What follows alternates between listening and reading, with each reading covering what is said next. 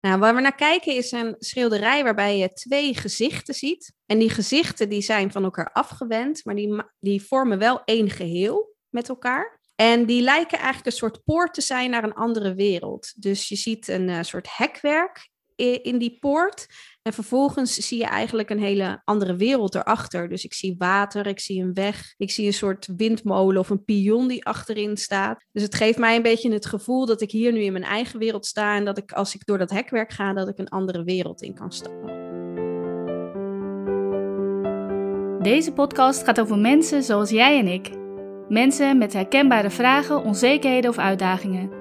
Om hier meer grip op te krijgen, gingen zij mee op Art-Based Learning avontuur in het museum. In deze podcast delen zij hun ervaring en vertellen zij hoe één kunstwerk impact op hun leven heeft gemaakt. Want kunst kan jou helpen om echt even stil te staan en met jezelf in contact te komen. Ik neem je mee in de wondere wereld van Art-Based Learning. Ga je mee?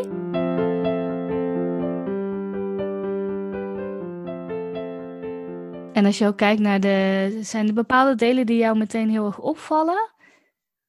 Nou ja, die, die pion die ik dus noemde, of, de, of die windmolen, die, die, die viel me al, altijd al gelijk op. Op een of andere manier kijk ik daar steeds naar en denk ik, wat zit daar in de verte? Dat boeit mij dan. En ook dat er een soort van weg ook naartoe is. Dus dat ik dat ook nog kan ontdekken. Ja, ook echt die, die gezichten die, die van elkaar afstaan. Ik ben wel heel erg van de verbinding, dus dat valt me gelijk op dat ze van elkaar afstaan, maar toch zijn ze verbonden met elkaar. Het zijn silhouetten en ze zijn voor de helft getekend. Dus laten we zeggen van aan de nek tot bovenaan het puntje van je hoofd.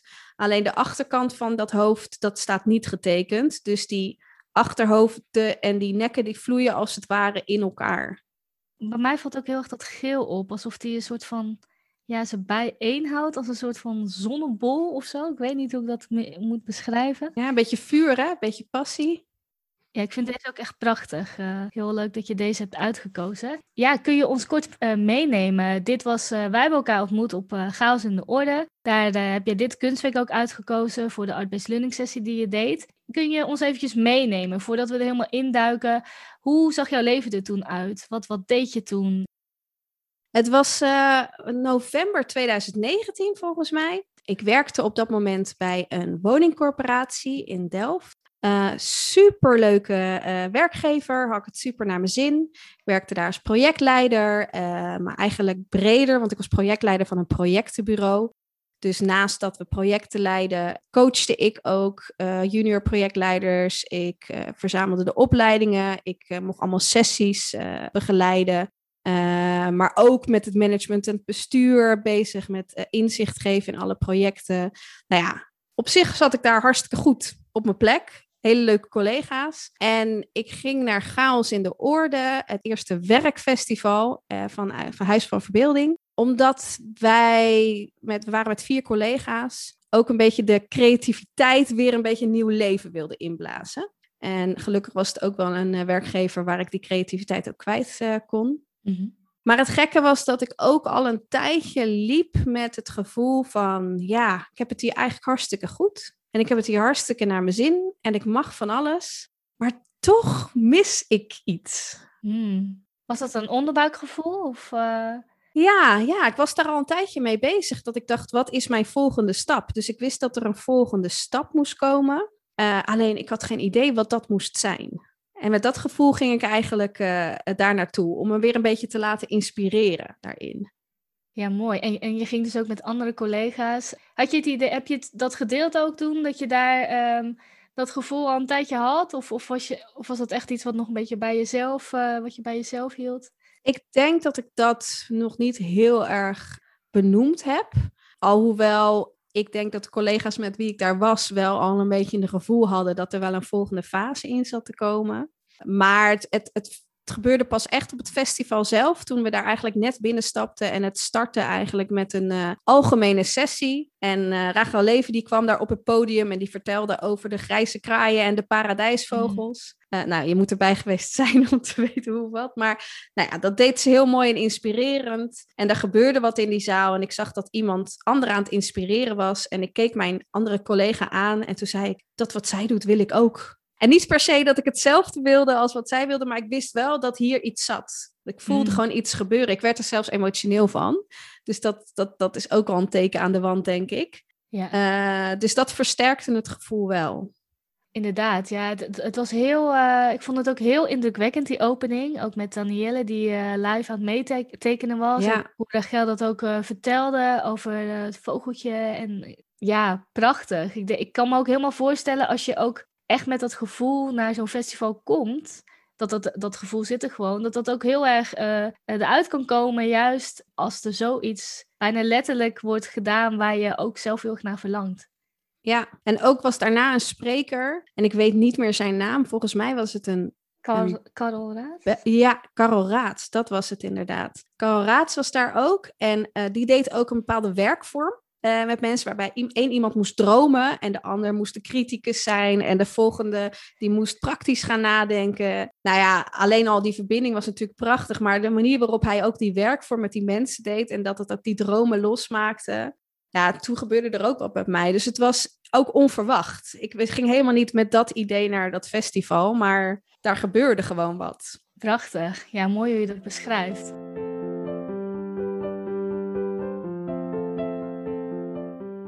Nou ja, wij hebben elkaar natuurlijk ook ontmoet in het, eh, in het pop-up museum daar. En daar Ja. ging je ook aan de slag met een vraag. Kun je je vraag eh, met ons delen? Welke vraag eh, stelde jij jezelf? Ja, ik had inderdaad de workshop van Art-Based Learning uitgekozen. Dan ben ik zelf ook wel een kunstliefhebber, dus dat trok me ook wel aan. En jij vroeg ons inderdaad om eerst een dilemma op te schrijven. En dat dilemma werd ook van wat is nu mijn volgende stap? Ja, mooi. Ik denk dat het ook een hele, ik vind het tenminste zelf ook een hele herkenbare vraag. Die, eh, ik, denk- ik denk dat mensen zich daar ook wel echt in gaan herkennen. Van, eh, ja, wat is nu die volgende stap? Want we willen heel graag soms heel snel dingen bereiken. En, en, maar soms weet je gewoon echt niet, zie je gewoon nog niet wat de volgende stap is. Het is ook heel grappig, want ik weet niet hoe jij dat hebt ervaren, maar je ziet soms ook gewoon een, een, een berg. Je weet dat, je, dat, je, dat, er, dat er een volgende stap is, maar je ziet vooral die berg en je weet eigenlijk niet hoe je daarop komt. En het is heel erg zoeken naar dat eerste stapje. Want had jij ook in die tijd dat je dat wel echt voelde? Ik herken dat zelf ook wel toen ik nog eens apotheek aan het werk was. Maar had jij dat ook dat je, nou je wist sowieso niet echt wat het dan moest zijn? Ja, hoe, hoe voelde je eronder? Stond je er wel heel erg positief in van het komt wel goed? Of had je wel meer, had je meer een gefrustreerd gevoel of zo? Ik ben heel benieuwd hoe jij die tijd dan hebt ervaren ook. ik ben een rasoptimist, dus misschien zegt dat ook Leuk. wel. Ja, ik ben wel een avonturier en ik ken mezelf ook. En ik weet ook dat er altijd na een bepaalde tijd weer een gevoel is van... eh, het, is, het is tijd voor een nieuw doel. Het is tijd voor een, eh, een nieuwe stip op de horizon. Denk dat ik dat ook wel een beetje nodig heb. Ik ben wel iemand die het gewoon ook fijn vindt om weer een, een nieuwe droom na te jagen of zo. En dan gaat het me nog niet eens om het bereiken van die droom, maar de reis er naartoe Mhm. ik raak van zo'n gevoel niet snel gefrustreerd. Niet meer in ieder geval. Ik heb ook wel, perio ik heb ook wel een periode gehad dat ik het echt even niet wist en helemaal niet goed zat. En ook Ja. niet goed zat bij, bij dat betreffende bedrijf waar ik toen zat. Ja, als je je doodongelukkig voelt eh, en je weet niet wat je, wa- wa- waar je naartoe wil, dat is natuurlijk wel frustrerend. Maar daar zat ik gelukkig niet. Oh, fijn. Ik zat op een goede plek, alleen ik wist wel, ik merkte aan alles. Eh, ik was met hele leuke dingen bezig, maar toch voelde het niet.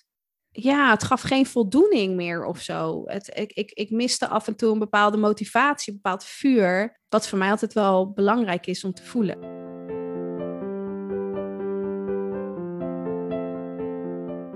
Jullie mochten natuurlijk een kunstwerk uitzoeken en daar ben ik ook heel erg benieuwd naar. Hoe kom je bij dit kunstwerk terecht? Is het iets wat je normaal gesproken ook eh, voor zou stoppen? Hoe, hoe heb je dat beleefd, dat uitkiezen van het kunstwerk? Nou, het is echt heel grappig, want eh, sowieso ga ik altijd met een eh, open blik in kunst. Dus ik kan ook niet vertellen waar ik normaal op afstap. maar ik weet nog dat jij zei van kies een kunstwerk uit of het kunstwerk kiest jou. En dat was wat er gebeurde. Het kunstwerk koos mij. Want ik, ik weet nog dat ik een rondje langs al die kunstwerken liep. En deze, die, daar gebeurde al wat mee. Dus ik liep er langs, ik zag hem en ik dacht, hier voel ik wat. En ik dacht, ja, maar ik ga nog wel even verder rondlopen. Maar ik merkte dat dat de enige was die mij zo trok. Dus na dat rondje dacht ik, daar moet ik naartoe. Dit, dit kunstwerk heeft mij gekozen. Ja, dat vind ik ook altijd heel mooi. Aan die stap, hè, dat zegt Jeroen Lutters, dat de bedenken van die methode.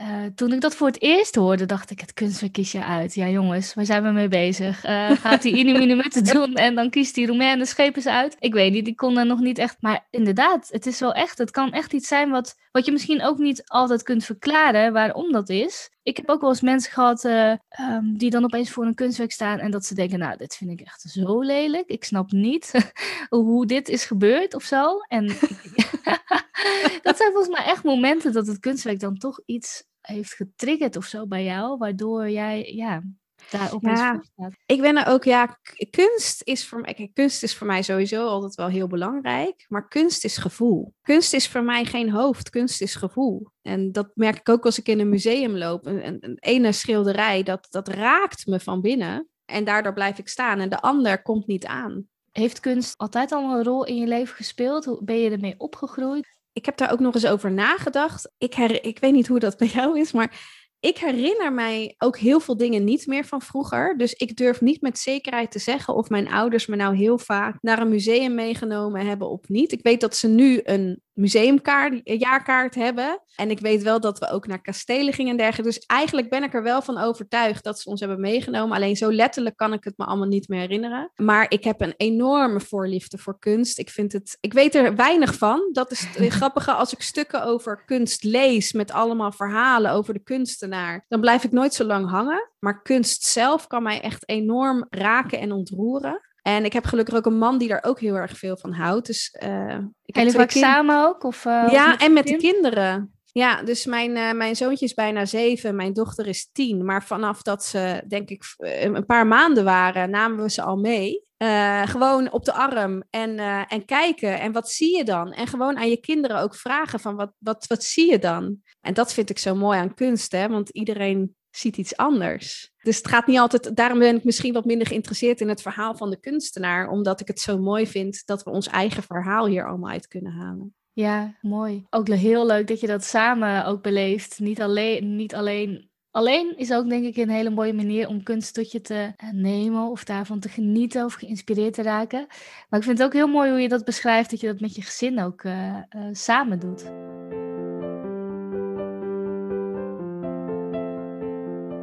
ik vind dit kunstwerk van Danielle ook echt uh, prachtig. En ook wat jij beschrijft, die weg die eigenlijk zo naar achter toe zoeft, als het ware of zo. Je wordt echt ingetrokken, heb ik het gevoel, in dit werk. Hoe was dat voor jou? Hoe, hoe heb je dat beleefd? Wat ik heel mooi vond was, in eerste instantie kijk je eigenlijk heel oppervlakkig naar het schilderij. En in tweede instantie ga je je gevoel erbij halen. En wat ga je dan, wat ruik je, wat zie je, wat voel je? En die dubbele dimensie uh, zo uit elkaar gehaald, dat was voor mij wel echt uh, wel heel nieuw. Vond ik heel mooi. Op een gegeven moment mocht, had ik ook gevraagd van stap in het kunstwerk. Lukte je dat ook? Nee, ik beleefde het helemaal. ja, ik denk dat ik het daarom ook wel zo'n gave sessie vond. Omdat dat iets is wat, wat ik ook goed kan en wat mij vaker gebeurt mijn gevoelkant is gewoon vrij uh, aanwezig. Dat is een kracht, en maar soms is dat ook wel uh, lastig, want dat wordt niet altijd begrepen, want niet iedereen voelt het in die intensiteit die ik soms voel. Uh, maar ik beleefde dit wel echt mee. En het interessante is bij dit kunstwerk, is wat ik al zei, hè, je ziet die twee hoofden en je ziet dan dat hekwerk in het midden. Mm -hmm. En wat er bij mij gebeurde is, en dat is natuurlijk ook een beetje vanuit het dilemma dat ik had, wat is mijn volgende stap, is dat het ook voelde alsof ik niet verder kon daar. Ik zag daar een prachtige wereld achter liggen, maar er mhm. stond een hek voor. En hoe kom je daar dan binnen als dat hek daarvoor staat? En dat kwam bij mij toen wel heel erg binnen, omdat ik dacht, misschien heb ik mijn eigen hek wel gebouwd, weet je wel? Is daar, ligt daar mijn volgende stap? Maar iets houdt mij tegen. En wat is dat dan? En toen vervolgens heb ik mezelf er doorheen gezet om die wereld dan te beschrijven. Wil je ook voor de luisteraar beschrijven? Ik zie ook, als ik een beetje door het hekwerk heen kijk, wat daarachter zit. Ik zie sowieso die pion. Ik ben ook heel benieuwd of die nog een rol heeft gespeeld in, uh, toen je echt helemaal qua gevoel uh, dat mocht toelaten. Ja, wat ik, wat ik daar vooral zie is, uh, wat ik zei, hè, twee wegen die daar ook naartoe lopen. Pion is eigenlijk meer een soort van de stip op de horizon. Zoals ik dat dan een beetje zie. Dus de pion zelf heeft niet per se heel veel betekenis, maar het voelt een beetje als twee wegen die naar de stip op de horizon gaan. En daarnaast eh, ligt naar mijn gevoel water. eh, wat een soort van vredigheid geeft aan Maar het hier, hele of, landschap. eh? Nee, de rechts ervan, rechts van de weg. Je hebt de eerste weg, om zo maar te zeggen, die, die loopt eigenlijk vanaf de nek tot aan het einde, ja. En de andere weg, die loopt een beetje vanaf de mond van, het, eh, van de rechterpersoon. Ah, deze. Ja, loopt hij daar naartoe. En rechts daarvan ligt eigenlijk voor mij het water. Het is grappig, hè, dat, ik, dat je dan allemaal dat ook verschillend ziet Ja. je ziet een soort rondje in het midden, om het hek heen, door het hek heen, om zo maar te zeggen. Ja. En daarbinnen zie je een soort witte, wit vlak. Ja, met een soort van ding dat omhoog eh, steekt. En dat voelde een beetje als een bootje. Oh, echt? ja, dus het, het was echt alsof het ja, wegen naar, naar, naar de stip op de horizon. En een soort van rust en vredigheid. Dat kwam, kwam bij mij naar boven. En bleef je ook in, eh, in dit, deze scène? Of bracht je fantasie en je verbeelding je ook nog ergens anders heen? Ja, wat op een gegeven moment bij mij gebeurde, en dat is denk ik het kantelpunt ook geweest, was dat ik, als je heel goed kijkt in dit schilderij, en ja, voor de luisteraars is het mooi denk ik als ze straks het schilderij zien en het zelf kunnen kijken. Als je heel goed kijkt, dan zie je op een gegeven moment een rode draad lopen. Je ziet dat geel, je ziet het blauw, je ziet het zwart. Maar ergens zit ineens, ja precies, er zit zo'n rode streep. En die loopt ook een beetje verder door, achter die personen lang zo ik zag in ieder geval die rode draad. En die, die viel mij toen heel erg op, want het was iets wat ik nog helemaal niet gezien had, omdat het een heel erg. eh, Hij valt ook niet echt meteen Nee. op of zo, hè? Nee, het is een minimaal detail. Dus die zag ik ook echt pas na hoeveel minuten, 20 minuten of zo. Die rode draad heb ik opgeschreven. En die heb ik uiteindelijk meegenomen naar mijn dilemma. Ik zit, ook, ik zit nog even goed te kijken. Ook voor de luisteraars thuis, inderdaad. Ik, ik ga het kunstwerk ook delen en, en ga ook echt kijken. Want ja, Melissa neemt mij nu ook helemaal mee. En ik, ik waan me eigenlijk ook een beetje in deze, in jouw wereld of zo, die je hebt gecreëerd. Ik zie dat ook helemaal zo voor me. En inderdaad ook die rode draad. Nou, mij was die echt nog niet opgevallen. Hij zit ook een beetje op een donker stuk. Maar als je hem eenmaal ziet, ja, dan is die ook wel heel duidelijk aanwezig.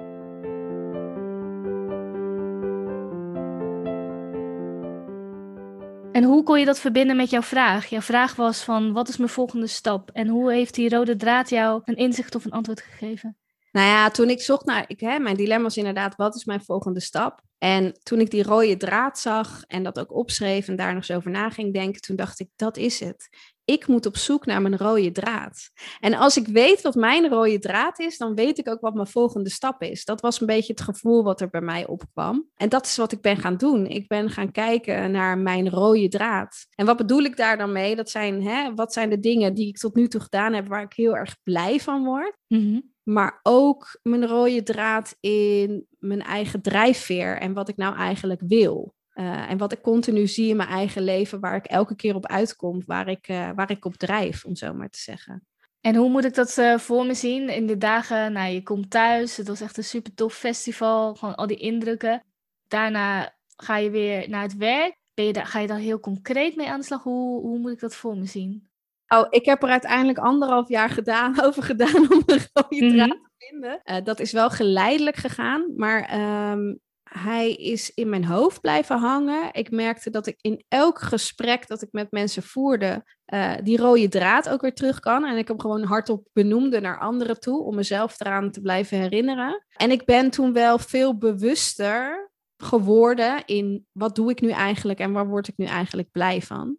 En daarin merkte ik heel erg, en dat gebeurde al wel vrij snel, dat ik dacht, ja, ik wil op een of andere manier toch meer van betekenis zijn. Ik word er echt heel blij van als ik andere mensen zie groeien. Als ik andere mensen zie, zie groeien, zie loskomen en zie vliegen, weet je wel, da daar, daar word ik gewoon echt zo blij van. En dat begon ik steeds meer in elke stap die ik zette te herkennen. Dus het is wel een proces geweest. Ja, Eh, het is wel geleidelijk gegaan, maar wel vanaf dat moment heel bewust. Het lijkt me ook heel prettig. Ik weet niet of je dat zo hebt ervaren, maar als ik zo naar je zit te luisteren. Ook al is het dan niet van, dag, van de ene op de andere dag dat je daar een heel concreet iets uit hebt gehaald, maar dat je een soort van meer met vertrouwen dan de dagen daarna ook aangaat. En dat ja, ook meer gevoelsmatig dat heel prettig voelt. Want je zat natuurlijk wel gewoon nog in, je, in jezelfde, je ging eigenlijk terug naar jezelfde omgeving. Daar was eigenlijk niks veranderd. Het was eigenlijk meer intern wat iets, wat er bij jou was veranderd. Als je ziet, weet je, dit soort kliks in je hoofd zijn het begin van je groei. Dat voelt voor mij altijd wel heel fijn. Alleen het gaat wel heel erg met pieken en dalen. Dus er zijn Mm. momenten dat je er heel erg mee bezig bent. En er zijn andere momenten dat je het gewoon even een tijdje weer kwijt bent. Ja, of dat je in de waan van waar je op dat moment aan het werk bent ook gewoon Ja. helemaal opgeslokt wordt in je werk.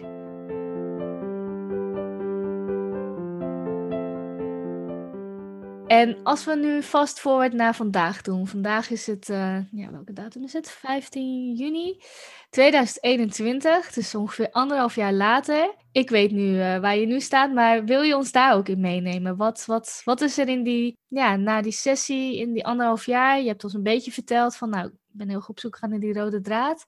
Waar sta je nu? In die anderhalf jaar, wat ik al vertelde, hè, merkte ik heel erg van ja, ik word er vooral echt blij van als ik mensen zie, eh, zie groeien. En dat kon ik ook wel enigszins toepassen in mijn werk, hè, door junior projectleiders te coachen en door eh, sessies te geven. Ik gaf toen ook al workshops gebied van slimmer werken. Dat was iets wat ik me tien jaar geleden eh, was ik namelijk iemand die helemaal wegviel in de waan van de dag. En daar op een gegeven moment een tip kreeg van mijn toenmalige collega hoe ik slimmer mijn agenda kon inzetten. En daar werd ik zo blij van dat ik vanaf dat moment daar alleen maar mee bezig was. Dus dat heb ik ook uiteindelijk eh, in de rest van mijn werk elke keer voor collega's ook steeds gedaan. Eigenlijk is het gewoon een beetje time management meets persoonlijk leiderschap. Waarbij je eh, het stukje inspanning wat je continu voelt ook meer in balans krijgt met je ontspanning. Mm. En ik, ik geloof er gewoon in dat als dat echt nou ja, in flow is, om zo maar te zeggen, dan, eh, dan kan je echt het beste uit je werk en uit jezelf halen. En dat voelt heerlijk, want dan ga je gewoon vliegen. Nou ja, goed, dus dat soort elementen kwam ik tegen. En eh, toen kwam corona. En dat heeft met iedereen natuurlijk wel wat gedaan.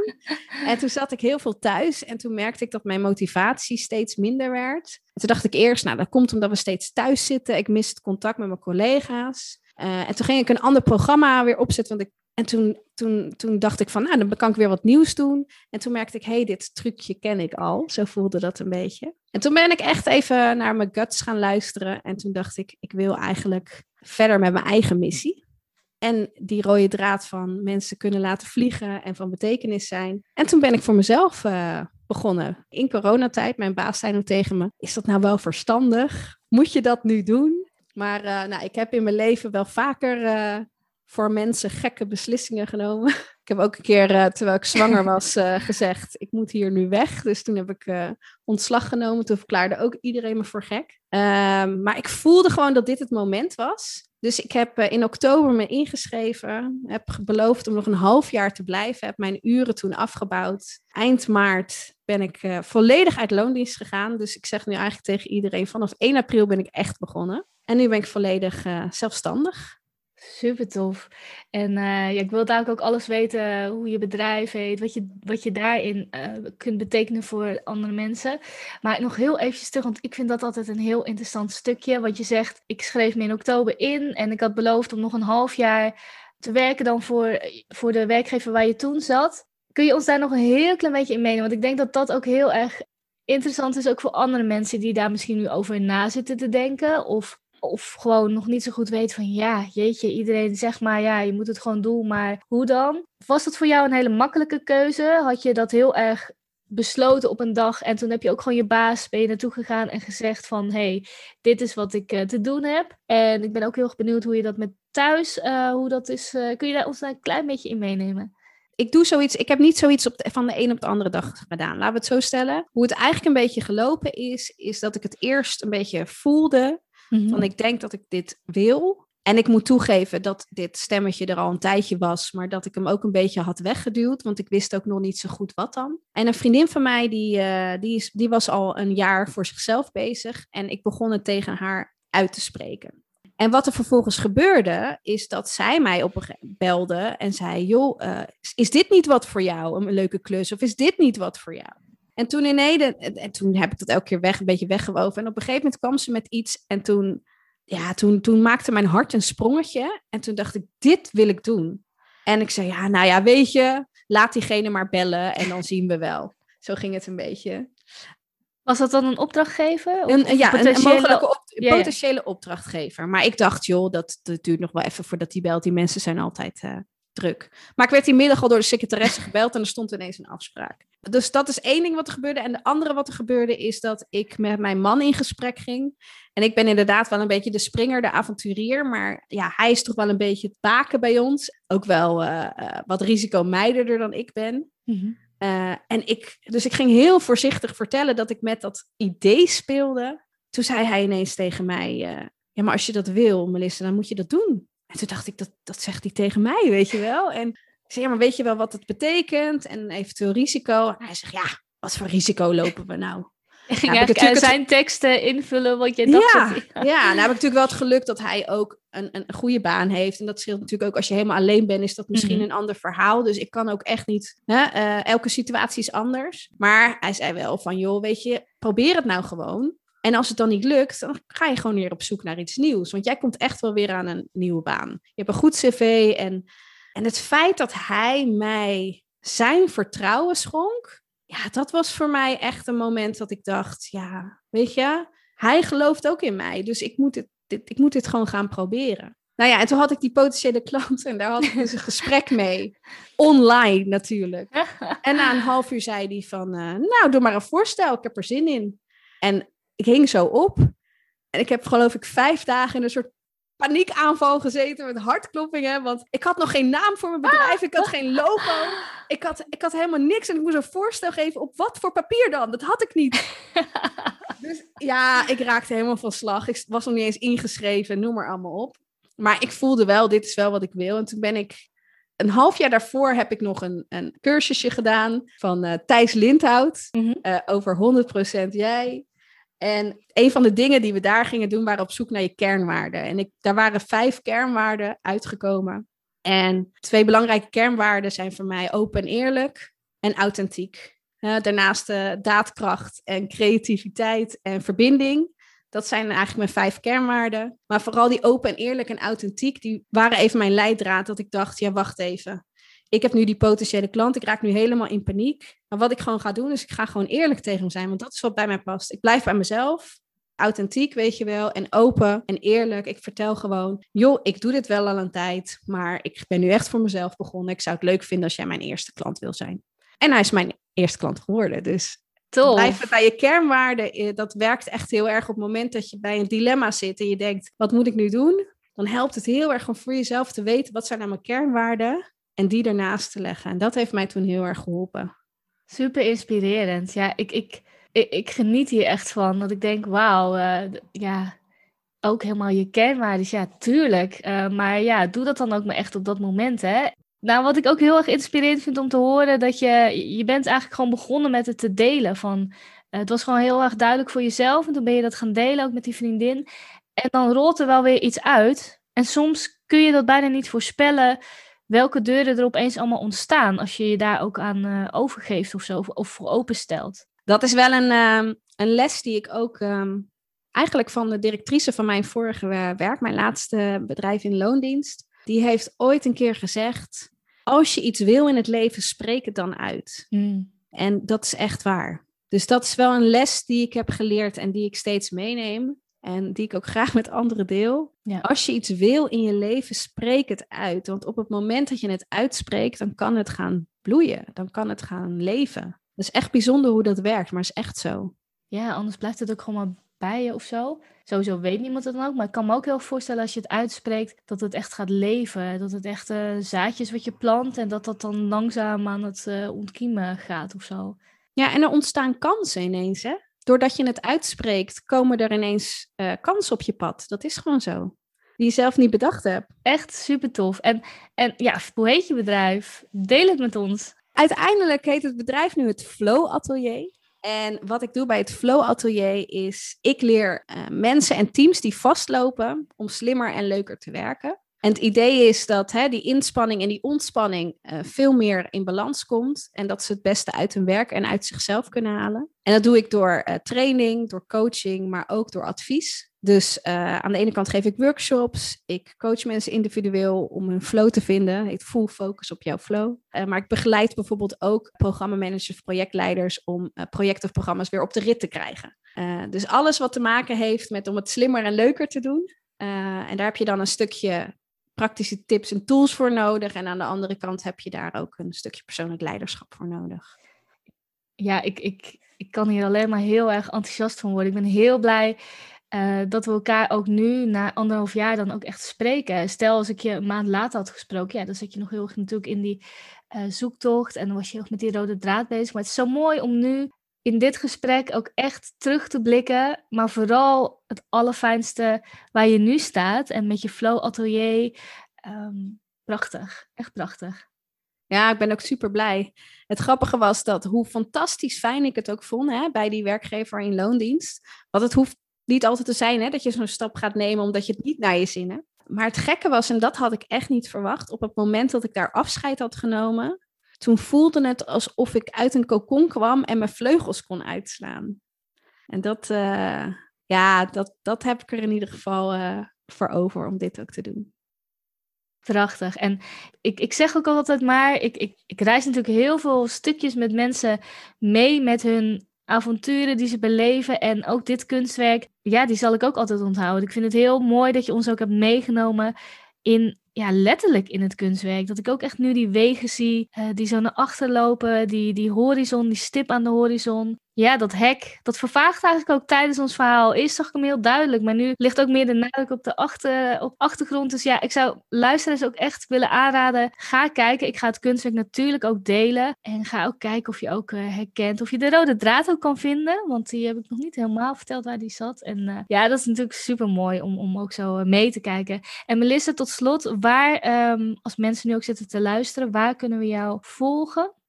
Uh, nou, sowieso ben ik te vinden op uh, www.hetflowatelier.nl. En ook uh, kun je me vinden op LinkedIn, Melissa van Koppen of het Flow Atelier. En ook op Instagram, het underscore Flow Atelier. Dankjewel. Heel erg bedankt dat je er was. Dankjewel, Romain, dat ik er mocht zijn. Leuk.